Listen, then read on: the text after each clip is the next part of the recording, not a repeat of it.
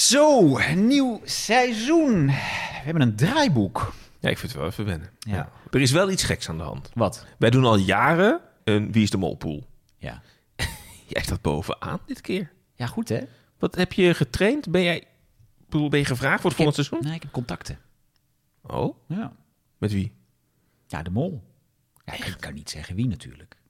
Ah, Ja. ja. Ik had ook hele goede contacten bij de Voice of Holland, maar die zijn weg nu. Ja, het is een raar voorjaar geweest. Het is pas februari. en het leukste nieuws is nog, Nou, we zijn terug.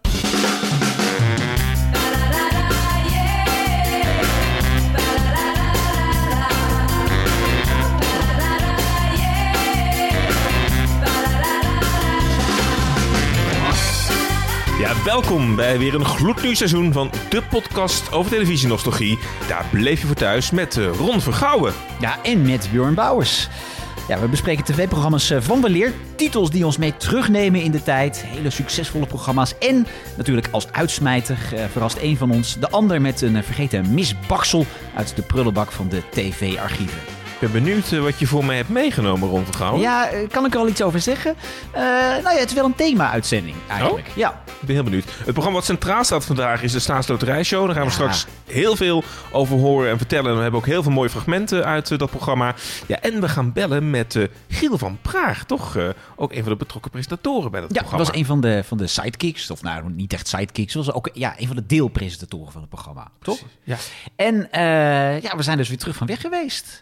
Ja. Je ziet er goed uit. Ja, jij je, bent, ook. je bent opgeknapt van een tijdje geen podcast maken. Het, het heeft me wel goed gedaan. Het was ook even nodig, hè, want we hadden natuurlijk en een, een heel bewogen tweede seizoen. Toen een aantal specials, specials nog erachteraan. Dus eh, het is tijd weer voor een nieuwe frisse start. Het grappige is wel dat jij dan ook af en toe even appt naar mij met de- de luistercijfers. En Ja. wij waren heel goed beluisterd in de maanden dat we er niet waren. Dus dat schept een bepaalde verwachting. Ja, ik, ik weet niet wat het is, maar hoe minder wij uitbrengen, hoe meer mensen er luisteren. Ik Ja. weet niet wat het, wat het zegt. wij hebben nog getwijfeld om gewoon weg te blijven. Want de luistercijfers werden eigenlijk alleen maar beter. Ja, ja, maar toch gaan we weer. Ik heb wel zin. We hebben leuke programma's op de rol staan. We hebben een heel leuk, eh, hele leuk schema hebben we gebouwd met allemaal leuke programma's. En dat viel ook wel anderen op, hè? Want, want nou ja, ik maakte. Jij appte mij en jij zei van, joh, we zijn besproken in het eh, programma Vink, hè? Eh, Op Radio 1 was dat, ja. En dat recenseert eh podcasts. Dus Ja, we hadden gewoon een goede recensie gehad van Vincent Bijlo. ik, ik, ik, was daar toch. ik was er heel blij verrast Ja. over eigenlijk. Dus. ja. Nou, en we zijn nog in allerlei radioprogramma's hebben we aangeschoven. Dus ja, dit, eh, we hebben de podcast eh, goed naar buiten gebracht. nou, en vooral ook eh, de bijdrage aan Studio 040, hè? En jouw Efteling-vrienden hebben ons ook... Precies, kleine boodschappen, ja. die, die hebben ons weer fantastische aandacht geschonken. ik ben dus, trouwens ook fan van de Efteling. Dus misschien moeten we ook in de Efteling met een programma er een keer in fietsen hier. Ik heb daar vandaag in deze aflevering nog een mooie link naar. Oh? Daar kom ik straks op terug. Oh? Heeft dat te maken met de post? Oh ja, dan moet ik die tune instarten. Maar ja, die tune... Ja, kijk, wij hadden natuurlijk vorig seizoen hadden wij eh, een tune en daar wilden wij vanaf. Nou, ik, bedoel, daar hebben gewoon heel veel verkeerde reacties op. We hebben een tune ooit ingezongen. We hebben bijna bedreigingen gehad. Die zeiden van mensen eh, niet meer zingen in de podcast, want het, eh, mijn oren beginnen te bloeden. Ik vond het vrij professioneel. Maar goed, weet je, alles wat het publiek wil, wij luisteren wel. Precies, wij hebben studio gehuurd bij de, Wisseloord? Wisseloord Studio's. Maar het probleem was, wij kwamen daar aan en toen was het koortje was er niet. Nou ja, eh, jij had een koortje besteld en dat kwam, kwam had je op een andere dag besteld. Ja, alleen die studio konden wij alleen die dag eh inhuren. Dus Je hebt de schoonmaakster nog gevraagd van, joh, hè, wil je ja, maar die inzingen? klonk nog erger dan, dan wij. Dus, Dus. wij hebben het zelf moeten inzingen. Ehm, jij hebt het in elkaar geknutseld. Ik zeg alvast excuses, maar er is wel, zoals beloofd, een nieuwe tune voor de post. Oh jee. Oh, wat een post. Al die brieven en een aanzichtkaart. Mailtjes, tweetjes met een apenstaart. Ron en Bjoren krijgen post.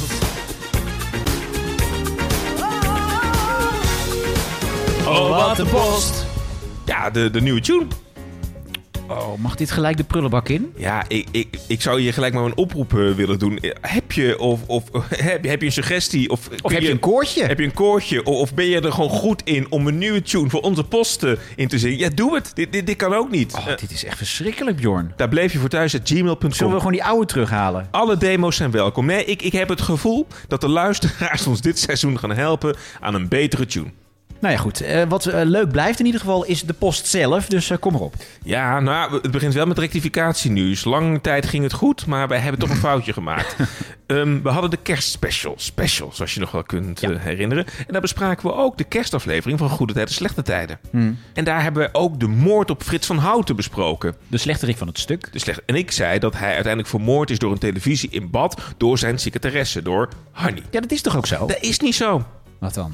Uiteindelijk is hij, hè, dat liet eh, Patrick Willems ons weten... is hij vermoord door Hans van Houten.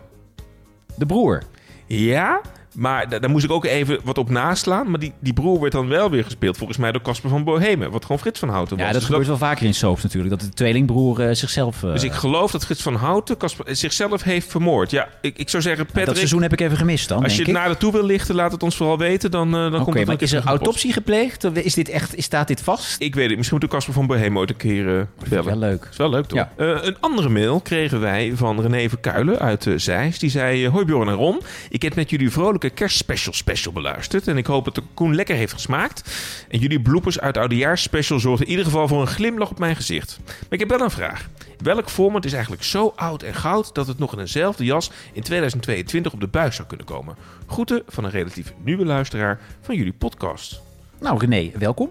Allereerst, ehm, ja, ik denk toch wel het programma wat we eh, vandaag gaan bespreken. Ja, kijk, grote shows van, van weleer, je ziet ze niet meer omdat ze gewoon te duur zijn om te maken. Maar het programma wat we vandaag bespreken, de Staatsloterijshow, ja, ik zou toch wel weer een keer gaan kijken hoor. Mag ik nog een andere duizend zakje doen? Graag. Ik zou heel graag, maar dat is natuurlijk echt totaal niet objectief. Hè? Maar André van Duin is toch ook van de iconen die hier regelmatig terugkomt. Hmm. En hoe leuk André ook is in Heel Holland Bakt of met een bootje met Jannie, zeg maar, hè, over de Friese wateren.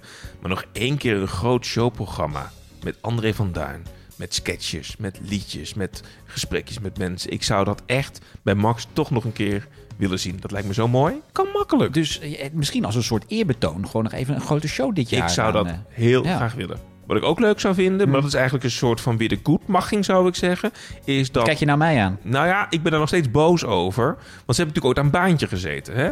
Klassieke serie, fantastisch. We kregen een remake ergens in de jaren 80. Vond ik niet zo goed. Vond ik niet zo leuk. Een remake in de jaren 80? Die hebben we toch gehad? Ja, maar dat was niet de jaren 80, was twee jaar geleden was dat op Videoland. Ja, maar dat speelde zich af in de jaren 80. Oh, op die manier. Ja, ja, ja. Ja, focus. Scherp blijven. Ja, sorry hoor. Kom op, je Ja, kan het. We zijn net begonnen. Maar ik zou echt gewoon de, de, de baantjes, zeg maar, de oorspronkelijke serie, daar een nieuwe reeks afleveringen van. Ik denk dat dat prima zou kunnen. Kijk naar het Hmm. succes van Flikker Maastricht. Een goede crime-serie. Ik, eh, Nou ja, ik we hadden dit voorjaar natuurlijk. Linda de Mol heeft het ook geprobeerd met een soort uh, whodunit. Nou goed, ik, Linda de Mol zien we denk ik even niet meer op televisie. Nee. Maar echt baantje. Jij wilt baantje Echt weer. gewoon baantje. Ja. Piet Reumer weer opgraven. Nee, maar dat is eh, Peter Tuinman dan toch? Die deed het een theatershow eh, ook. Wij zijn nog naar die baantjevoorstelling Ja, toe geweest. In Hoofddorp. Sowieso, wij waren de enige mensen in wij- het theater in Hoofddorp. Ja. ja. Ja, goh. Nee. Nee, nee, baantje niet. Nee, maar gewoon weer een goede nieuwe, eh, wel zo'n soort serie, maar niet meer baantje. Anders ga je toch vergelijken met de oude serie. Was dat was de post? Of, Nee, eh? nee, nee. Want, want we, ook een, eh, we hebben een mail gekregen in voorbereiding op vandaag. En die eh, komt van Thomas Egelmeer, vaste luisteraar van ons programma. En die zegt van ja, ik vind dat die staatsloterijshow een eigen aflevering verdient. Want zelfs na 21 jaar, na de laatste uitzending, doet dit programma nog steeds wat met me. Ik bekijk het vast door een iets te roze bril. Maar het concept, de muziek, de presentatie, de spanning... Het alles of niets principe, het is een, een subliem decor. En met regelmaat kijk ik nog oude afleveringen terug... waar ik nog steeds kippenvel eh, van krijg op mijn armen. Keep up the good werk, Thomas Egelmeer. En het leuke is dat eh, Thomas ook een YouTube-kanaal eh, heeft, Mhm. Egelmeer. En daar heeft hij zelf een aantal oude klassieke afleveringen gedigitaliseerd. Ja. Hebben we vandaag ook fragmenten uit eh, gehaald. Dus eh, Thomas, dankjewel voor die input. En deze aflevering van vandaag is ook een beetje voor jou. En als je nou zelf een suggestie hebt voor een programma wat we moeten bespreken... of een vraag hebt aan ons, dan kun je dat gewoon met ons delen. Hoe doe je dat, Ron Vergouwen? Ja, dan kun je even een mailtje sturen. Dat kan naar daar bleef je voor thuis gmail.com. Of ga even naar onze socials. We zijn op Twitter en op Instagram te vinden. En als je nou echt een heel goed verhaal hebt bij een programma, misschien moeten we gewoon een keer een gast uitnodigen. Is dat niet leuk? Dan kun je je verhaal kwijt in deze show. Dus als je eh, een keer bij ons wil aanschuiven, laat het dan ook weten. eh, met jouw favoriete programma uit het verleden. Leuk is als je er ook een persoonlijk verhaal bij hebt natuurlijk. Eh, laat het even weten via nou, die kanalen dus. Precies. Dus, dus Luciel Werner, als je luistert en je wil een keer over lingo komen praten, nou, dat kan. Ja, zijn we aangekomen bij het hoofdmenu. De Staatsloterijshow. Bjorn, eh, even de feitjes. Jij komt altijd even met de feitjes. Wanneer was het te zien? Ja, het begon in 1990, trouwens nog met een andere naam, de 100.000 Gulden Show. Heeft gelopen tot 2004. Eerst was het programma van de publieke omroep Veronica en werd het uitgezonden op Nederland eh, 2. Het verhuisde uiteindelijk naar RTL 4. En dan eh Marklen Essink, beroemd geworden eh, als dokter eh, Jan van der Woude in Medisch Centrum West, werd ingezet als presentator. En dan nu. Het moment waar ik echt al maanden naar uitkijk. Het moment dat we de tune van de Staatsloterijshow kunnen gaan instarten. Heb je het orkestje gevraagd? Ik heb hem erbij gevraagd. Ik ik heb mijn hand hier bij de knop. Kom maar in.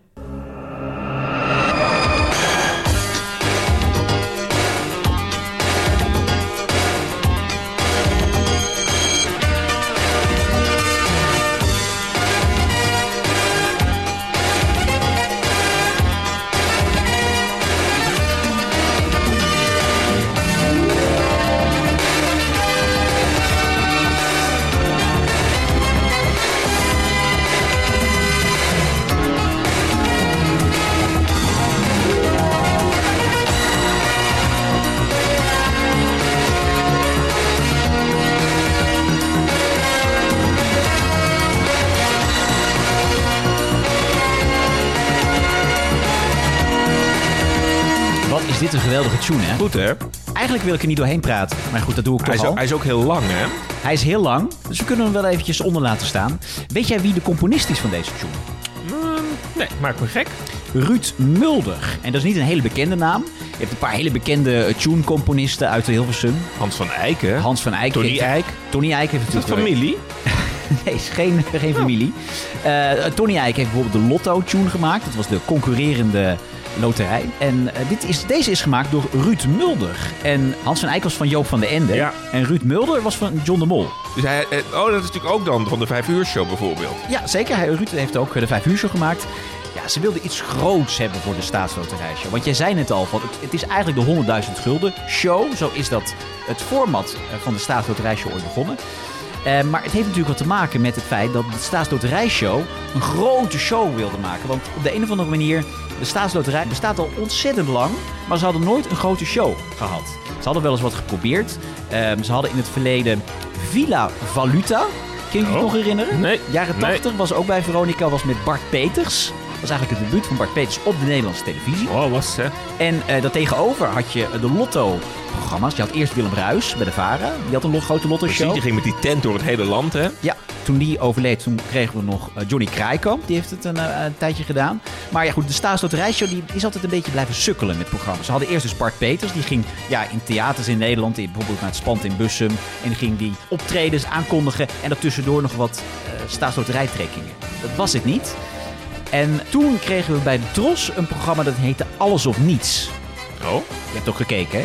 ik heb, wie, wie deed dat? Dat was jouw grote trosheld. Ivonie. De man van Dat willen we even kwijt. Wim Bosboom. Ah, Wim Bosboom. Wim Bosboom. Van Tros Actua. Van Tros Actua. Maar dat is toch iets anders. Ik bedoel, de meeste mensen weten wel wat voor sprankelende show de Staatsloterijshow was. Zullen we even luisteren hoe Wim Bosboom alles of niets deed? Dames en heren, goedenavond. Welkom bij de eerste aflevering van ons spel Alles of Niets... waarin twee teams het tegen elkaar gaan opnemen. Hoe dat gaat, dat vertel ik u straks wel even. Maar eerst gaan we even naar de staatsloterij. Wij gaan houden het eerste gedeelte van de derde trekking van de staatsloterij. Opgelet, heeft u uw lot klaar? Daar gaan we. Heb je het lot eh, bij de hand? Hij bouwt de spanning goed op Eindigt uw hoor. lot op 19, dan heeft u 50 gulden verdiend. 1, 9. Heb je het? 19? Een van de kandidaten, 27. dat is jullie dus, die eh, krijgt zo de gelegenheid om hier de woorden bij te zoeken. Ik moet zeggen dat die woorden hebben betrekking op het aantal, eh, het cijfer wat ervoor staat. Dus 7 zijn 7 letters, 7, 7 letters. Goed. Hoe kom ik nou aan die eh, woorden? Die haal ik hier van een printer. Dat is een heel modern programma. Printer, printen woorden is als je wilt. Duurt even. Printer. Zou er een draadje los zitten? Printer doet het niet. Kijk, dan kan u zien wat er gebeurt bij een directe uitzending. Dan bent u de eerste getuige. Hij doet het, een wonder. Nou. Ja, de Staatsloterij had alles ingezet. En Wim Bosboom en de modernste techniek. de spanning is om te snijden. Ja, Ja, nou ja, goed. En toch werd het geen succes. Heel gek. Die printer doet me trouwens wel ergens aan denken. Hè? Wat dan? Ja, dat is altijd een Bas en Adriaan link te Oh bedenken. nee. Ik Weet je het. dat? Oh, jij weet ook in. Is, wordt het weer een traditie dat je elke aflevering Bassie en Adriaan erin gaat Het- Het fietsen? is te leuk om, om niet te dan? Dat, dat de serie van de verdwenen kroon... Ja. En dan moest je zeg maar in een hele soort van prehistorische variant van Google Maps... moest Sebastian Adriaan ontdekken waar de kroon was. En dat was op een punt waar tegelijkertijd een trein had gereden... een bus langs moest komen en een vliegtuig had gevlogen. Ja. Dan ging ze de coördinaten op, op eh, zoeken. Ja. En dan ging Robin de robot aan de hand van een printer... Ja. ging die coördinaten uit, uit printen. En dan kwam uiteindelijk daar waar, de, waar ze moesten zijn. Oh. Ja, dit programma met Wim Bosboom is ook van de Tros. Ja, Dus die hadden gewoon een printerdeal. Ik, ik, denk Ja. dat, ik denk dat ze inderdaad bij de Tros een goede deal Nou. hadden met de printermaatschappij. Alles is terug te leiden in het leven naar Bastien. Dat vind ik zo maar goed, dit werd dus geen groot succes. Dus ja, de staatsloterij moest groots terugkomen. Ook omdat de concurrentie met de postcode loterij opkwam. Bij RTL hadden ze een deal met de postcode loterij. Dus daar, ja, ze moesten tegen die postcode loterij opbieden. Maar, en eh, nou ja, de, de postcode loterij had allerlei grote shows. En eh, een aantal daarvan werden ook een heel groot succes. Maar de staatsloterij show, ja, die moest toch echt ook wel eens een keer van de toren gaan blazen. Ehm, dus ze deden dat met live trekking, hè, dat was ook nog nooit gedaan, in de staatsloterij show. Live programma. Eh Mark Klein ging dat dus presenteren, dat zoals we allemaal weten. Eh, jij noemde al van, nou ja, hij was dus bekend geworden van eh Medisch Centrum West, maar hij zat ook in de serie De Brug. Hij was acteur, hè?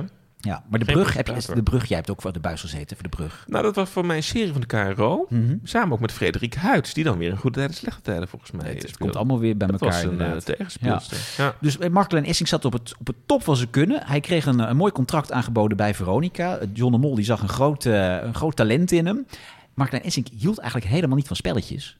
Maar, ja goed, ja, een mooi contract bij Veronica, dat doet wonderen natuurlijk. En hij was toch gewoon super populair. Want iedereen, voor mij waren alle vrouwen gewoon verliefd op dokter Jan van der Woude. Toch? Ja. Dat, dat was het. Ja. Hij was wat bijvoorbeeld Anthony Kameling en Reinhard Oerlemans waren voor goede tijden, slechte tijden. Ja. Dat was hij voor Medisch Centrum West. Ja, nou, hij kreeg eerst een, een klein spelletje aangeboden, het laatste woord. Dat was eh, met cijfers en letters. Nou ja. Robert de Brink had ook ooit zoiets gedaan. Je moet bij John de Mol nooit het laatste woord hebben. Dat, eh, En eh, nou ja, daarna kwam dus de staatsloterijshow. Alleen heette het in het begin nog, was niet gekoppeld aan de staatsloterij. De 100.000 gulden show. Ja, dat klonk zo. Dames en heren, hartelijk welkom bij de allereerste 100.000 Gulden Show. Wat gaan we doen vanavond? Drie kandidatenkoppels nemen het op tegen elkaar. Echt tegen elkaar. Slechts één koppel zal die, die poort van de finale uiteindelijk gaan bereiken. Daar winnen zij dan die 100.000 gulden of helemaal niets. Oké, wij gaan beginnen. Mag de handboei af? Is de eerste keer van mijn leven dat ik een handboei om heb, in alle eerlijkheid. Dames van de bewaking, plaats het koffertje alsjeblieft in de kluis. Ga je gang.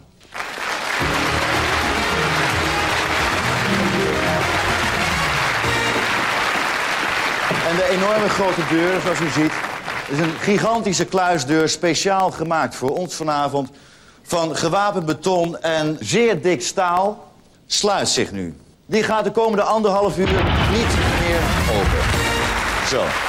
Wel leuk hè, dat die Spaanplaat-decors dan toch zo... eh, hè, in, Nou ja, het zag er wel fantastisch uit. Want hij zei ge- gewapend beton. Nou ja, dat was het niet. Maar ja, het, er stond wel een enorme grote kluisdeur in dat decor. Het zag er, het zag er gelikt uit Het hoor. zag er gelikt uit. En dan ook die prachtige reeks met, met kokers, hè? Oh, ik dacht dat we het hebben over die eh, mooie, mooie dames die om Marklein Hessink heen stonden. Ja, nou. Want hij had een koffertje bij, een doorzichtig koffertje met allemaal papiergeld erin. Daar zat zogenaamd, nou volgens mij was het wel echt geld, 100.000 gulden in.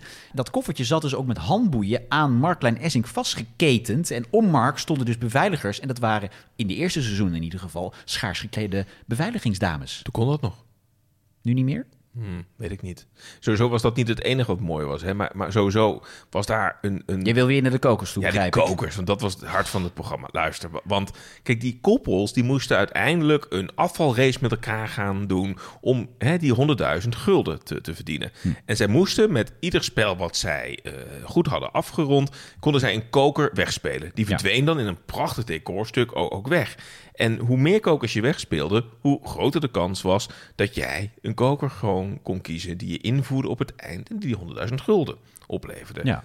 Maar dat was een lange route om daar te komen. Ja, dat was nou ruim anderhalf uur. Dat was een lange show hoor. Maar het begon, en dat vond ik zo goed. Het is niet zo dat ze het langzaam opbouwden. Maar in het begin van, van wat de staatsloterijshow werd... moest men meteen terug van vier koppels naar drie koppels. En er werd een soort nou ja, hindernisbaan gemaakt. Een soort mega blubber power race van Telekids, maar dan XXXL. Er zijn eh, diverse koppels overleden op die uh, Echt stormbrandbaan. waar, de lijken liggen nog steeds ergens daaronder in Studio 22.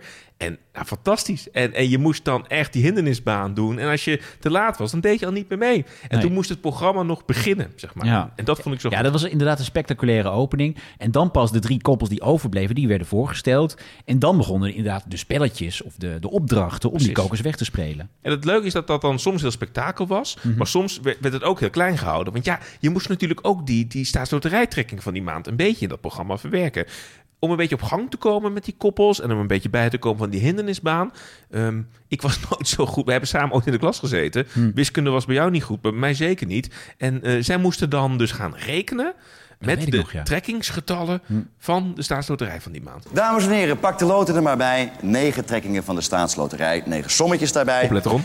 Oh ja. Even snel uit het hoofd rekenen. En wie het als eerste het goede antwoord geeft, die krijgt er natuurlijk 1000 gulden bij. Maar was het fout, dan gaat er wel meteen 500 gulden van af. Slechts twee koppels zullen deze veldslag overleven. Want de laagste stand mag gaan douchen. Zorg dat je erbij blijft. Het gaat om 100.000 gulden. En voordat je het weet, is het gebeurd. Let op, hier komt het eerste eindcijfer Gijs.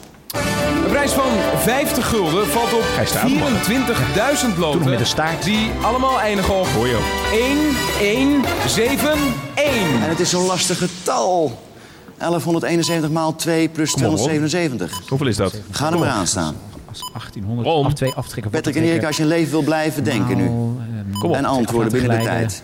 Insteken. Nee. Oh, wat Nee, jammer. Je moest iets met die uitslag, maar dan werd het even Nou ja, het- rekenen. nou ja, ik bedoel, die show was al duur genoeg. Ik bedoel, dat er één goedkoop spelletje in zat, dat was natuurlijk ook wel fijn. En het was natuurlijk ook wel briljant dat je eh, de trekkingen van de staatsloterij koppelde aan een spelletje. Want we keken allemaal naar die, eh, die uitslagen van die, eh, van die trekking, want daar zat een spelletje aan gekoppeld. En rekenen, ja, dat is iets waar elke kijker aan mee kan doen. Dus het was ook wel een heel slim spelletje. Ik vind het natuurlijker dan we Wim Bosboom ook overkomen. Ja. Ben jij trouwens een loterijspeler?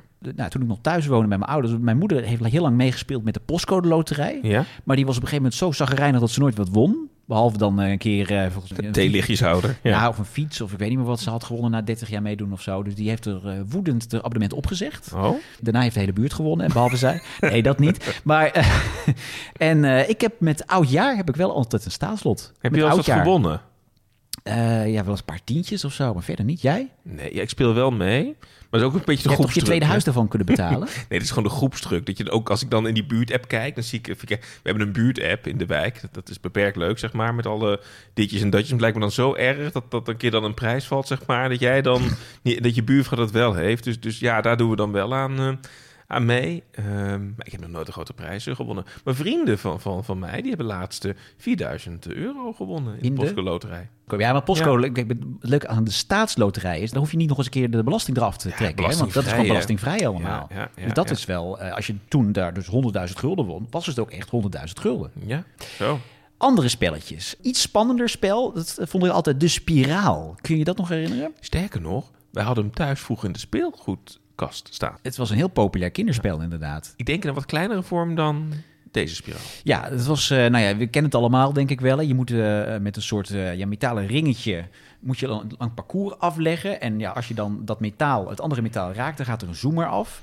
Zoiets had je eigenlijk al, ik bedoel, zo'n soort spel, een heel andere uitvoering. Maar kun je, we hebben het over de honeymoon quiz gehad, met Ron Brandsteder. Ja, Dat was ook een beetje zenuwenspel. Waar het, het, het koppels deden altijd mee. Hè? Mannetje, vrouwtje. Ja. Toen nog in die tijd. Het was heel vooruitstrevend. Not. Hè? Ik bedoel, geen homokoppel te bekennen. Maar ehm, onder druk, weet je wel, als er een tijdsdruk op zit. of er staat een zenuwachtige presentator je de hele tijd aan te moedigen. dan kan er wel een spanning ontstaan in zo'n koppel. Van, eh, doe nou niet, verdomme. Nou ja, dat was eh, bij die spiraal heel erg zo. Maar dat was, eh, tenminste, als ik die vergelijking mag trekken. was ook bij die honeymoon quiz met de toren van Pisa. zo. Oh ja, dat die mannetjes en vrouwtjes afvielen van Ja. dat ding. Ja, ja. Ja. Stond ook in de spelletjeskast trouwens vroeger. Wat grappig. Maar goed, de spiraal, ja, dat was een gigantisch ding. Eentje moest dus dat die, die ijzeren eh, staaf vasthouden om de spiraal te spelen. En de ander die moest eh, met hendels werken, want de persoon met die metalen eh, staaf, die stond op een vorkheftruc.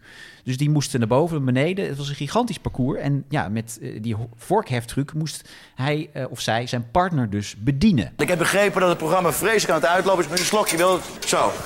Ga er maar in staan. Even kijken of hij het doet. En natuurlijk doet hij het.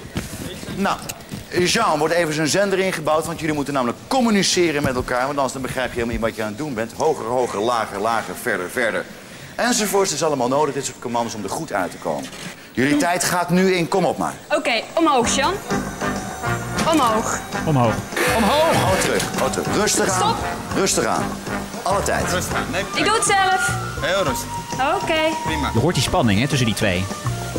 Lijkt me echt vreselijk. Omhoog. Ben en Tessel die houden niet meer volgens mij. Iets harder praten. Ja, Als ik hem zo zie zitten. Oké. gaat goed. Omhoog. Goed zo. Omhoog. Ja, uitstekend. Goed zo. Omhoog. Op weg naar de tweede. Jammer, maar niks aan de hand. voren. 2,48. Ga maar rustig naar beneden. Ja hoor. Dan lukt het wel. Natuurlijk, zie je Ja, nou wel. lukt wel. Ja.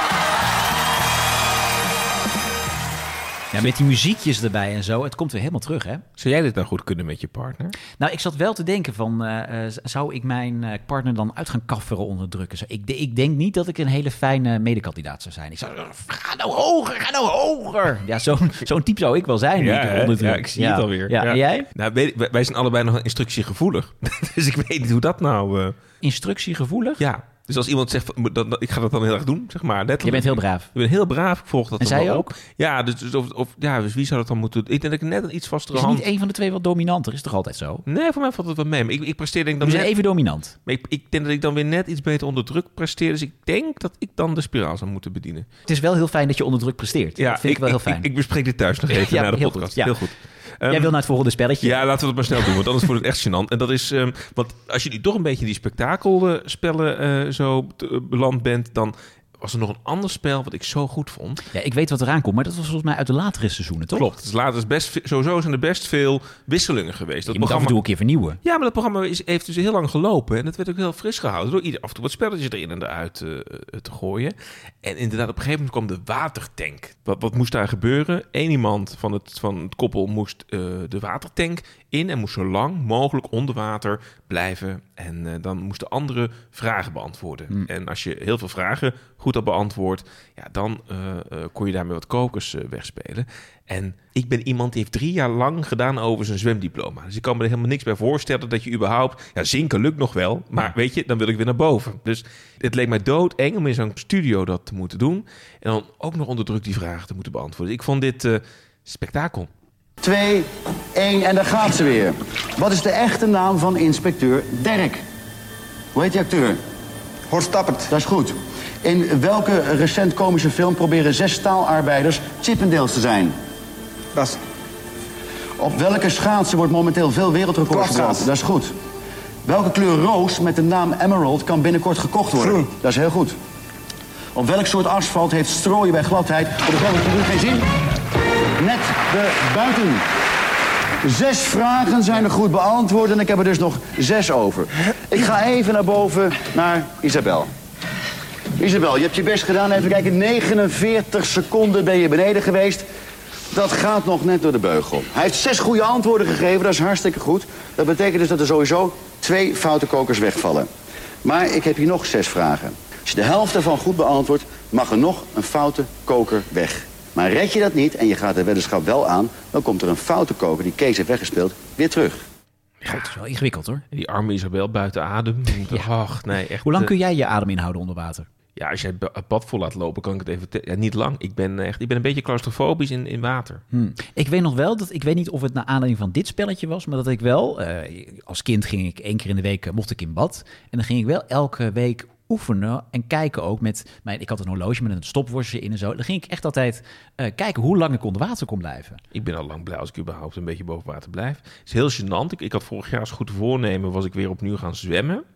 En, en, en dat was in een bad ergens bij mij in de provincie, waarin ook heel veel bejaarde medemensen s'avonds gingen zwemmen. Ja. En, en, en er was echt zo'n man die zei van, goh, is niet echt helemaal de goede techniek, hè? En die ging me een soort van nieuwe instructies geven van hoe, hoe je moest zwemmen. Ik heb daar gewoon geen talent voor. Du- Dus ik, ik was al lang blij dat ik boven water bleef. Laat staan dat ik eh, moest kijken hoe lang ik onder water kon eh, blijven rond. Dat, eh, Fijn dat dit trauma weer opgerakeld is trouwens. Ja. En, maar goed, je hebt inmiddels je zwemdiploma toch? Mijn A heb ik. Daar heb ik trouwens serieus 3,5 jaar over gedaan. Welke zwemdiploma's heb jij? A en B.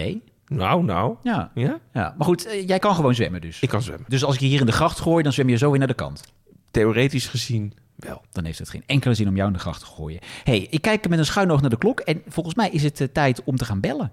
Ja, wa- want eh, met Giel van Praag hebben we al aangekondigd. Want het leuke is dat we niet alleen inderdaad in het studio het spektakel hadden...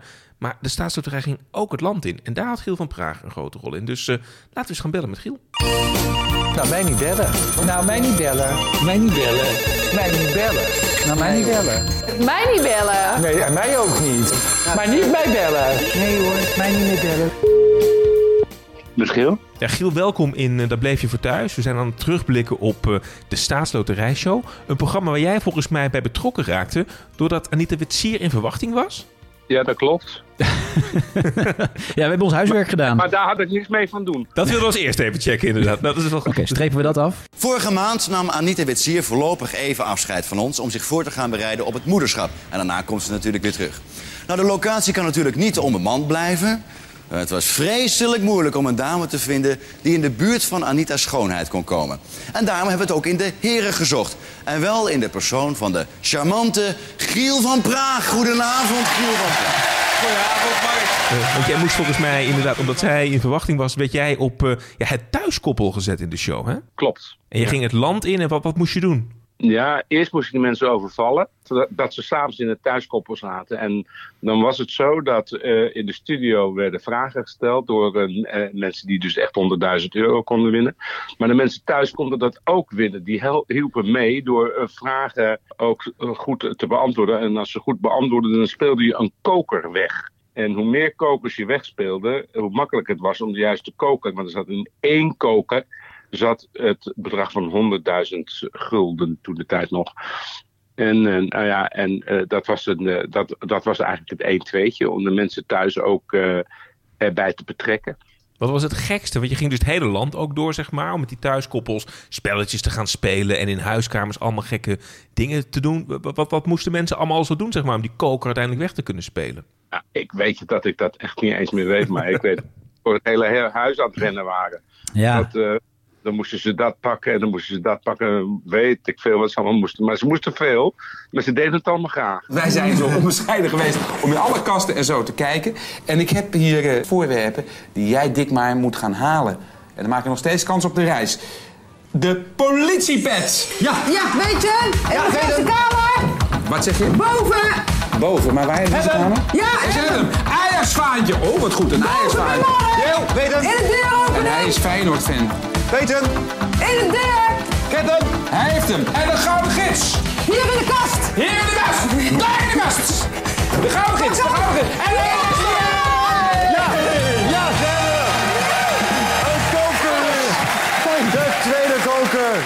Ja, Giel, jullie gingen van tevoren dat hele huis door om, om bepaalde voorwerpen te zoeken. Dat, dat is nogal een inbreuk op iemands privacy volgens mij, toch? Als jullie met een heel camerateam daar binnenkomen met lampen, met camera's... en dan gaan jullie ook nog alle kastjes in. Hoe reageerden de mensen daarop? Nou, luister even. Laten we beginnen vaststellen dat de mensen meededen. Ze waren overvallen. Ik kan me nog herinneren dat ik bij een, een man, volgens mij was in Amersfoort, bij zijn Jamin-winkeltje, voor de deur eh, eh, hebben we een gat gegraven. Alsof er een keer een of andere eh, bouwvakker was die daar even het, iets daar moest doen. En dat zou de hele dag duren. Dus die man, die komt 's morgens bij zijn winkel en die denkt ik ga gewoon vandaag snoep verkopen. Maar er komt niemand in, want dat zou de hele dag duren. Er lag een immens gat voor zijn deur. Maar die man was heel rustig. Hij zei, nou, dan komen ze wel achterom. Dus daarbij was de grap volkomen weg. De, maar ze waren dus overvallen. Dan gingen ze naar huis. Ja, en daar stond, mind you, een reportagewagen. Dat was zo'n apparaat van de PTT die de eh, verbinding maakte met Hilversum. Zo'n groot ding. Dat ging allemaal niet met de satelliet. Hè. Dat ging nog met straalverbinding. Een cateringbus. Dus wij waren daar s'morgens al een uur of negen, tien. En er werd er een beetje gerepeteerd. Dus wij waren de hele dag bij die mensen over de vloer. En ze zeiden geen nee. En waarom zou, zou je wel nee zeggen als je kans hebt om 100.000 euro te winnen, gulden te winnen? Dus ja, eh, die mensen die waren zeer enthousiast om mee te doen. Ik heb zelf wel eh, een, eh, vaak me wel boos gemaakt dat het vaak wel mensen waren die in, eh, in eensgezinswoningen woonden. Terwijl ik dacht, waarom nou niet bovenop een flat? Maar dat was blijkbaar toch productioneel niet mogelijk. En de, de, de politie liep dus ook de hele dag door het huis. Dus die hadden hun ogen niet in de zak, snap je? Ja. En zo kwamen ze, wisten ze ook waar de gouden gids lag. En tegelijkertijd, terwijl jij met de thuiskoppel aan, aan de gang was, gebeurde natuurlijk in de studio uh, van alles. Hè? Marklein Essink hè, als presentator van, uh, van dit programma. Heb, heb je ja. ook herinneringen waarom hij zo goed was in, in dit programma en, en wat het succes van de formule was? de succes van de formule was, uh, om te beginnen, dat je alleen nog maar Nederland 1 en 2 en uh, geloof ik toen ook al wel 3 had. Dus dat is het succes van de formule. Uh, er werd meteen massaal gekeken. Het, het, zijn vragen. Je weet nooit hoe het afloopt. Want als je die lijn doortrekt, tegenwoordig ook de quizprogramma's met heel veel geld, die doen het nog steeds hartstikke goed bij de kijker. Hmm. Mensen leven mee. Ja, misschien ook omdat ze denken van, had ik daar aan gezeten? Of wat zou het fijn zijn als ik daar ook eens zit? Weet je, het is, komt opeens heel dichtbij. Hè? Veel geld komt opeens heel dichtbij. Ja, het is, als je er nu naar terugkijkt, het waren enorme programma's. Er zat heel veel budget in. Het was ook een beetje de tijd dat uh, het een beetje strijd was tussen de staatsloterij en de postcode loterij. Postcode loterij was eigenlijk begonnen met die shows. En de staatsloterij wilde er eigenlijk tegen opboksen, toch? Dat, hadden jullie ook ja. wel een beetje dat gevoel van, van concurrentie tussen die twee loterijen? Nou, dat klopt helemaal. En ik heb nog een persoonlijk uh, iets meegemaakt met, de, uh, met die concurrentie.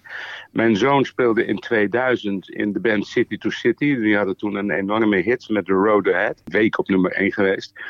En zij zouden op gaan treden in de postcode loterij live uh, in Maastricht. met de band. Hmm. En ik vond het eigenlijk wel een leuk uitje. Dus ik dacht, ik ga met mijn zoon uh, en de bandleden uh, en met de bus. En die rij ik dan wel naar, en dat was volgens mij een Kadir en Keer zelfs. Dat was echt helemaal. En daar was ook de leiding van de postcode loterij. Die vonden dat niet leuk. Zo diep zat die strijd. Maar mocht je niet binnen? Nou, het was buiten. Het was uh, in de zomer. Nou, ze, uh, en ik ben ook nog vegetarisch, mijn zoon ook. Dus ze hadden ook helemaal geen eten voor ons. En, en dat vonden ze waarschijnlijk wel goed. dus ja, het was heel, een hele grappige bij, bijeenkomst. Ja, dus er was wel echt wel een concurrentie tussen die shows. En jullie ja, probeerden zeker. ook altijd gewoon wel de beste te zijn. Ja, en, en die, die strijd liep hard op. Want volgens mij was het ook zo dat rechtszaken liepen over derby of zo is, want iets met paarden. Er waren een aantal dingen die liepen, die de staatsloterij heel graag zou willen toevoegen aan haar pakket.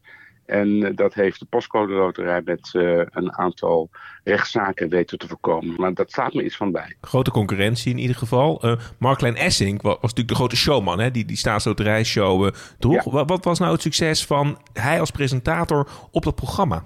Mark was zelf al een succes voordat hij überhaupt hier aan begon. Omdat hij uh, bij Medisch Centrum West uh, speelde als dokter. Ongelooflijk populair. En daarom is hij ook op dit programma. En die, dat heeft zijn populariteit wel goed gedaan, zou ik maar zeggen. En hoe kwamen ze bij jou dan terecht? Want we hoorden al, ja, Anita Witsier, die was zwanger. Er moest er iemand invallen. Maar ja, hoe kwam jij er dan terecht? Nou ja, dat, dat, dat, gaat eigenlijk door mijn hele carrière heen. A, werkte ik bij Veronica in vaste dienst. Ik was daar programmaleider radio en deed ook uh, uh, programma's als Nederland Muziekland. En uh, wat andere programma's op tv en ook op radio. Dus ja, uh, en het was altijd zo van, uh, ja, als we niemand hebben, kunnen we Giel vragen. Ik was altijd de laatste in de lijn die gevraagd werd. en zo ging het eigenlijk wel. Ik was wel een beetje een soort van B-presentator. Ik mocht ook nooit een grote show doen. Ik mocht het, het, het kleine onderdeeltje doen, snap je? Ik heb nooit, en dat heb je ook nooit kunnen zien, mij van een, of kunnen betrappen, dat ik van grote showtrappen afliep.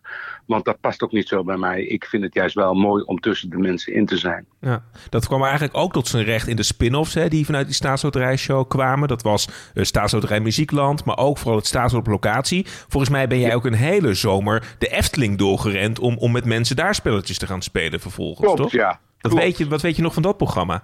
Nou, ik speel weer een anekdote. Ja, heel graag. Ja, Bjorn is groot fan van de Efteling, ja, daarom dus uh, loop maar lekker leeg. komen hier allemaal samen, Giel, dat moet ik wel bekennen. Oké, okay, nou, dat ze hadden bedacht dat ik s'morgens de aankondiging zou doen in de Python. en, en tegenwoordig heb je van die kleine koopbroodjes die je prachtig kan vastplakken en dan is het een steady beeld. Uh, maar dit was een grote uh, recorder die aan mijn voeten lag en een camera die ze ergens vastgeplakt hadden. En dat beeld werd, werd, maar niet steady. Dus ik heb al, denk ik, acht keer in dat ding gezeten. en, toen hadden ze bedacht, maar weet je wat, dan doen we het maar even anders. Want het park ging zo langzamerhand open. Dan zetten we hem wel even in de schipschommel. Maar ik moest in de middelste bank zitten eh, en eh, de camera recht tegenover. En daarin moest ik mijn verhaaltje doen, de opening van het eh, programma.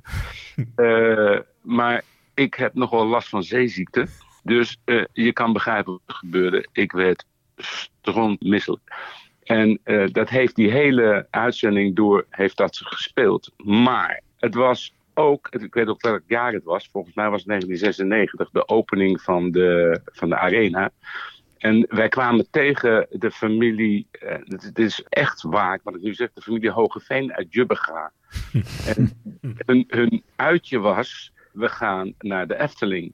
Dat, verder waren ze nooit geweest. En eh, ze waren daar eh, met een volwassen zoon en een volwassen dochter en moeder en vader. En meneer was ook nog meteropnemer. Bij de, eh, dat weet ik ook nog. Ik weet het helemaal nog. Eh, Maar ik tussendoor steeds maar weer naar de wc, omdat het even niet goed met me ging. Maar toen kwam het hoogtepunt. En wat het hoogtepunt was, wat er allemaal, er stonden allemaal dozen. En onder die dozen stonden prijzen. Eh, hij moest eerst wat anders doen. En dan werd bekend hoeveel dozen hij mocht openmaken. Nou, laten we zeggen dat hij de zes mocht openmaken. Maar onder één van die dozen zit een bom. Dus als je die openmaakt, dan ben je al je prijzen kwijt. En eh, de hoofdprijs was een reis naar Curaçao. En iedereen wilde dat hij die prijs zou krijgen, want hij was nog nooit verder geweest dan de Efteling. Dus de productie had hem al in zijn oren gefluisterd. Hij zit onder nummer 11. en, goed, de laatste vraag. Nou meneer, eh, zegt u maar, welke moet open? Zet u nummer 5. Ik zeg, nou, weet u het zeker? Want ik, wist, ik weet het normaal gesproken nooit, maar toen hadden ze het ook tegen mij gezegd. Dus ik moest hem naar 11 praten. Ik weet u het zeker? Nou, eh, hij wist het zeker. Het moest 5 worden. ik loop op de camera. Ik zeg, dames en heren, het normaal gesproken nooit. Maar meneer Hogeveen is nog nooit van zijn leven buiten Nederland op vakantie geweest. Wat is er nou niet mooier dat hij naar Curaçao kan gaan. Daar spreken ze Nederlands. Kan hij zich helemaal thuis voelen in prachtig weer. Met zijn hele gezin. Laten we hopen dat hij nummer 11 openmaakt, want daar zit het in. Dus ik loop terug naar hem. Ik zeg, meneer Hogeveen, ik weet dat hij in 11 zit. Dus ik zou 11 openmaken als ik u was. Toen zei hij, nee, nummer 5. en toen zei dan moet u het zelf weten. En dat was een toegangskaart door de opening van de arena. Mooi. Die man, heeft, die man heeft, die dorst gewoon niet buiten Nederland op vakantie. Dat was duidelijk. Kijk, je nog veel televisie? Du- Dus is het ook iets wat je nog bezighoudt? Of, of ligt dit allemaal heel erg ver achter je? De, de glitter en de glamour en, en de shows? Nou, de glitter en de glamour, daar was ik al sowieso niet van. Eh, dus daar denk ik niet aan mee. Eh, ik ging ook nooit naar parties en dat soort dingen. Daar, daar, eh, dat is, kijk, het was werk. Het is niets anders dan dat. Ik heb dat met ongelooflijk veel plezier en passie gedaan. Dus ik vond het zelf allemaal fantastisch om te doen. Ik vind het superleuk om mensen te vermaken. Maar mijn leven heeft eh, na eh, mijn carrière, die in 2003 is gestopt, een totaal andere wending genomen. Ik doe totaal andere dingen. Ik ben helemaal niet meer bezig met radio en televisie eh, of iets van die naam. Wat doe je nu, Giel? Dus wat, wat, wat is zeg maar je leven na die mediawereld geworden? Ik ben mediator en ik help mensen bij echtscheidingen en bij arbeidsgeschillen. Mooi. Dus als Ron en ik ooit in de problemen komen, dan kunnen jullie ook eh, nog bellen. Ja, als we Dat weer eens ruzie krijgen, dan... eh, Dat moeten jullie beslist niet doen, want het is niet leuk. Ja, dat is ook waar. Ja. Hey Giel, dankjewel. Heel fijn dat we met jou terug mochten blikken op eh, die gekke en, en leuke tijd eh, uit van lang geleden. En eh, succes met alle andere dingen die je aan het, aan het doen bent. Dank, dankjewel. Ik wens jullie ook uiteraard veel succes. Giel van Praag. Nou, wat leuk om hem eens even te spreken. Was leuk, hè? Ja. Was ook wel verwarring vaak, hè? Tussen Mark Essing, Giel van Praag en Robert en Brink, toch? Dat Wat eh, waren allemaal de krullenbollen, zeg maar, in de jaren negentig op televisie. De, de jaren negentig krullenbollen. De jaren negentig krullenbollen.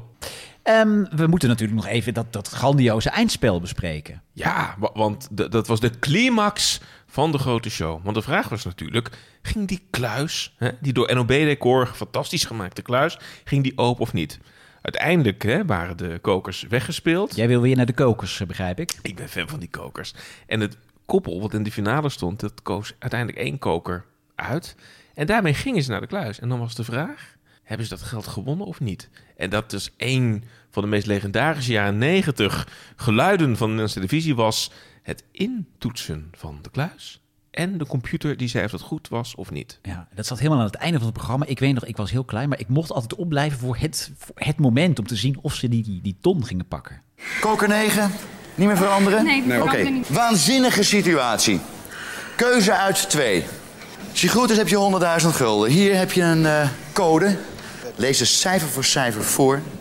4, De 4, 8, de 8, 2, de 2, 9, de 9, 3. de 3. En nu even wachten.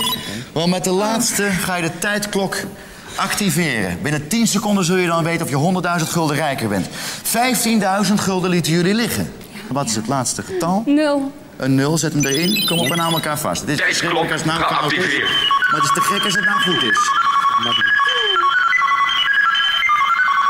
De door u ingetoetste code is juist. Ja, en dan was het feest in de studio, glaasje champagne erbij. Goed hè? Ja, maar het is wel zo als je hier naar luistert. Het was jaren 90, maar als je die geluidjes beluisterde, het was alsof je naar een slechte science fiction film uit de jaren 60 zit te luisteren. Nou ja, alles klinkt beter dan de printer van Wim Bosboom, denk ik dan maar weer. Enfin, groot eindspel. eh, maar het was natuurlijk maar een show die één keer in de maand werd uitgezonden. Dat is ook een beetje van oudsher vroeger dat, dat grote shows maar één keer in de, de maand werden uitgezonden. De Staatsloterijshow had dat natuurlijk omdat er maar één keer in de maand een trekking was. Ja. En in de zomermaanden wilde men toch ook wel hè, dat, dat merk een beetje warm eh, houden. En daar werd een wat goedkoper programma gemaakt. We hadden het met Giel net ook al over. Onder andere dan het staatslot op locatie. Waarin vooral ook dan de Schiel van Praag op pad werd Die mocht het merk een beetje warm houden dus. Die mocht het merk een beetje warm houden. En nou is wel leuk om nog even te luisteren hoe dat dan klonk. Wat is het probleem? Ik heb geen staatslot. U bent lekker in de pas houden, de hele familie? Ja. Weet er misschien iemand ook nog een staatslot bij zich? Nee. nee. Thuis liggen. En jij? Echt waar? Ja. Laat zien. Nou, dat doe ik. Ik heb hem. Je hebt hem echt? Ja. Dit ziet eruit als een staatslot. Kijk, en het winnende uiteraard. Ja. Is dat het winnende staatslot? is dat het, het winnende staatslot van het, het staatslot op vakantie? Ja, ik denk het wel. Kom op, doe mee dan. Oké. Ja, excuus voor de slechte geluidskwaliteit. Maar ehm, ja, dit was dus een fragment dat zich afspeelde in de Efteling. Ik weet niet hoe je het voor elkaar krijgt, maar je hebt dus twee keer deze aflevering de Efteling erin weten te Ja, fietsen. dat, dat doen we gewoon. Dat, ik, dit, dit seizoen dat wordt mijn missie. Ik merk het, ik merk het. Maar het is grappig, hè? Dus hij ging dus aan mensen die daar willekeurig een dagje hè, weg eh, waren, ging die vragen naar het staatslot. En als je dat bij je had, dan kon je daar een spel spelen en dus die prachtige prijzen winnen. Ja, maar de staatsloterij had natuurlijk wel op allerlei, via allerlei spotjes en zo aangegeven van wij zijn die dag op die plek. Zorg dat je je staatslot bij je hebt, want dan kun je eh, prijzen winnen. Ja. Nou, was het toch geen Fata Morgana. Dus. Zeggen we dat weer. En er kwamen allerlei spin-offs van dit programma. Want eh, wat Giel van Praag eerder presenteerde, Nederland Muziekland. En op een gegeven moment kwam er een soort crossover tussen Nederland Muziekland en de Staatsloterijshow. En dat heette... Staatsloterij Muziekland? Het is briljant. Welkom bij Staatsloterij Muziekland. Deze week vanaf het landje van Top in Enkhuizen. Het komende uur krijgt u optredens van Jody Bernal, Teaspoon en ook van Kaya. Daarnaast hebben we prachtige reportages over de Dominicaanse Republiek en over de Italiaanse stad Bologna. Bovendien zijn er voor u thuis prachtige prijzen te winnen. Staatsloterij Muziekland vanuit Enkhuizen.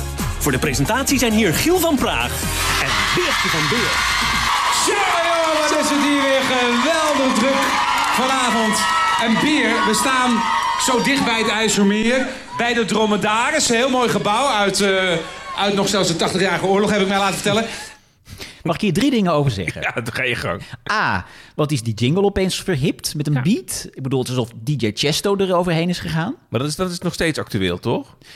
Nou, op één bijvoorbeeld, dat is een talkshow met een, was een hele rustige tune. En sinds dit jaar beat? is het ook alsof het inderdaad daar eh, hard wel Ja, overheen is was er gegaan. ook. Twee. Eh, twee, eh, het is eigenlijk een soort crossover van eh, drie op reis. Ontdek je plekje, uh, staatsloterij Muziekland. En van gewest tot gewest. En van gewest tot gewest. En drie, wat is er met Beertje van Beers gebeurd? Nou, wat, precies. Kent of bent u Beertje van Beers? Wij komen graag in contact, want we willen nog heel veel warme herinneringen ophalen aan andere programma's van Beertje van Beers, zoals daar Zoals er zijn. eh, oh, ik weet er één. Dit is, dit is eigenlijk geschikt voor onze eindrubriek, maar die gooi ik hem er toch maar even in. Ja. Splits. Was dat een spelletje met Beertje Dat was een spelletje op Fox. Nou, en dat presenteerde Beertje van Beers. Beertje, als je, als je luistert, wij, wij gaan graag een keer met jou daar een aflevering aan wijden. Zeker, ja. Misschien, ja, goed. Of anders mail jij een keer naar eh, Beertje van Beers. Ja, goed. Ik bel de Haribo zo meteen wel eventjes en dan... eh, Echt waar, maak je de grap. Is, het, is het erg? Ja. Moet hij eruit? Nou, nee, laat maar erin Oké. zitten. Ze hebben het nog ook in een iets goedkoper variant eh, geprobeerd. Eh, dat eh, was met Carlo Bossert en met Chantal Jansen. Want die waren heel goedkoop, begrijp ik? Nee, maar dat, Die deden voor een appel en een ei? dat was met Carlo doet dat alles voor een reiskostenvergoeding, hè? Carlo is natuurlijk echt de booming man van, van RTL. Maar dat was een iets andere formule. Iets kleinschaliger Ja. was het opgezet. En, ja, en, en toen dus ook bleek dat dat eigenlijk een heel andere doelgroep was. Ja, toen verdween toch dit type programma van de buis. Terwijl natuurlijk de loterijprogramma's aan zich zijn nog steeds ontzettend populair. Kijk naar wat eh Miljoenenjacht doet. Kijk naar, eh, naar 1 eh, tegen 100 of 1 tegen 50. Dat blijven volgens mij nog steeds klassiekers. Conclusie, hoe kijken we terug op de staatsloterijshow? Het is een iconisch programma. En als ik al die fragmenten zo hoor, denk ik van... Je zei het ook al op de vraag van René hè, bij, de post. Ja, dit programma, eigenlijk zou dat nog prima kunnen. Het is spektakel, het, is, het is gewoon spannend, het is goed gemaakt. Het is eh, eigenlijk niet eens heel traag. Meestal zijn dingen die wij besproken hebben, zijn ontzettend traag. En dat heb ik hier totaal niet bij. En wat was Mark Klein Essink goed als spelleider? Hij zat dat hele spel had enorm goed in zijn hoofd zetten. Op die adrenaline van een live programma ging hij ontzettend goed. Ik, eh, hij was op het toppen van zijn kunnen. Eh, ik heb met plezier die afleveringen terug zitten kijken. Heerlijk toch? Dus eh Staatsloterijshow kan het terug. Nou, waarom niet? De uitsmijter. Ja, Ja. want dan komt altijd natuurlijk nog de rubriek... daar bleef je niet voor thuis. En ja, dan blikken we eigenlijk terug op de programma's... die het, ja, het kijken niet meer waard zijn. Ehm, en jij hebt vandaag een programma voor mij meegenomen. Ja. En jij zei al aan het begin dat dat een beetje het thema is. ja, het is, eh, ja, dan moet je met hints een beetje gaan raden welk programma ik heb meegenomen. Ehm, ja, het is, het is in een thema. Eh, eh, Is het gerelateerd aan een loterij? Mm, nee. Is het dan wel een, een, een groot amusementsprogramma? Ja. Is het een geflopt groot amusementprogramma? Eh, ja. Is het van de publieke omroep? Ja. Van de Tros? Nee. Van de Avro? Nee. Is het van... ehm, welke omroep? Van Veronica. Oh. Is het... Het is niet Lucky Lotto Live met eh, Anita Witsier. Heeft ze ook nog Lucky gedaan, hè? Lucky Lotto Live. Ja, je Lucky Lotto Live nog? Ja, daar gaan we eens een special over maken. Nee, dit was het niet. Ik heb, nee, Nou, denk in het verlengde wat we net hebben zitten bespreken. Hm? Nou, Mark Lennessing die was zo populair met de Staatsloterijshow... dat John de Mol dacht, dan gaan we je nog een spelprogramma geven. En toen heeft eh, John de Mol een programma bedacht... wat de uitstraling had van een casino. En op zaterdagavond, het werd heel laat uitgezonden... want het was, het was verbonden aan gokken, dus het mocht niet eh, te vroeg op de avond. Hij deed zijn eh, vlinderdasje aan. Casino Royale. Hier is Nederlands enige croupier met een eigen casino. Dames en heren, Mark Kleinessink.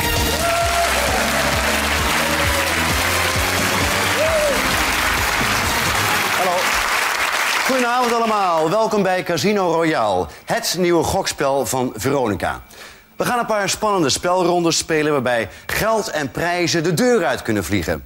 En een pikant detail is dat de deelnemers de inzet van 100 gulden zelf moeten meenemen. Dat komt dus uit hun eigen portemonnee. Er zijn vier personen die elkaar absoluut niet kennen... maar die voor één ronde twee aan twee gekoppeld gaan worden. Hier komen de dames, Patricia en Harriet.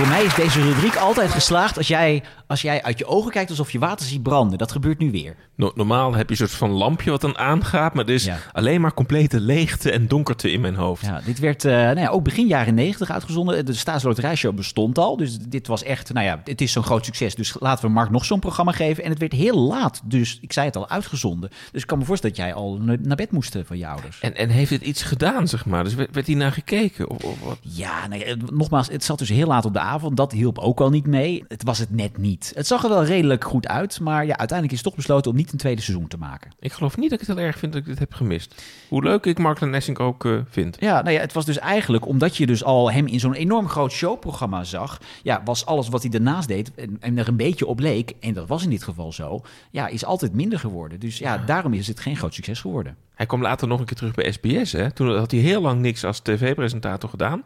En toen deed hij volgens mij het een van de eerste seizoenen van de live show. Een quiz over eh, gezondheid inderdaad en het menselijk lijf inderdaad. Of was dat eerst bij Talpa, voordat het een SBS ging? Nee, nee, dat was bij SBS 6. Maar hij heeft tussendoor ook nog een talkshow gedaan hè, bij RTL 4. Heb ik dat? Kun je dat nog herinneren? Ja, wat een veelzijdig man is het Met die tune gezongen door Ja. Rob de Nijs. Precies, Banger. Op, op ja. de tune van Banger Hart. Nou, het is toch echt... ja, het eh, is ongelooflijk. Maar ik praat eromheen, want dit programma zegt me helemaal niks. Dus Ron, laten we maar eerlijk zijn. Ik weet zeker, hier bleven wij in ieder geval niet voor thuis. Nou, de kop is er weer af. De eerste aflevering, ik vond het leuk, Staatsloterij Show. Het was een beetje de grote Marklijn Essing show. Ja, maar dat verdient hij wel. En eh, we hebben nog zoveel afleveringen in het verschiet. We komen heel veel verschillende dingen langs. Ja, Ik er een bommetje vol dit seizoen. En eh, nou ja, eh, kritiek is ook altijd welkom natuurlijk. Zeker, hè? dus je kunt ons volgen via de socials. Hè? Dan zoek je op Daar Bleef Je Voor Thuis. En laat daar een reactie achter. Of een recensie in je podcast-app. Vinden we ook fijn. Ja. En alle fanmail en kritiek en rectificaties of wensen voor programma's... die kun je kwijt hè? op uh, daarbleefjevoorthuis.gmail.com. En jij gaat twitteren dit seizoen. Ja, precies. Ik, ga, ik, ik, ben, ik, ik ben gepromoveerd hè, tot hoofd, eh, Hoofd social media. Dus eh, ja, mensen volgen en subscribe en blauwe duimpjes en vinkjes en weet ik veel wat. Ik ga het allemaal eh, in de gaten houden. Ik Dus, kijk er naar uit. Nou, tot de volgende. Zal ik eens een staatslot gaan kopen? Ik weet het niet. Ik heb wel trouwens even het Bart vol laten lopen. Ik wil wel kijken hoe lang jij onder water kan. Ja, ja. En dan eh, hou je mijn hoofd ook iets te lang naar beneden zeker. We hebben een contract ook voor 12 afleveringen, dus ik denk dat dat niet kan.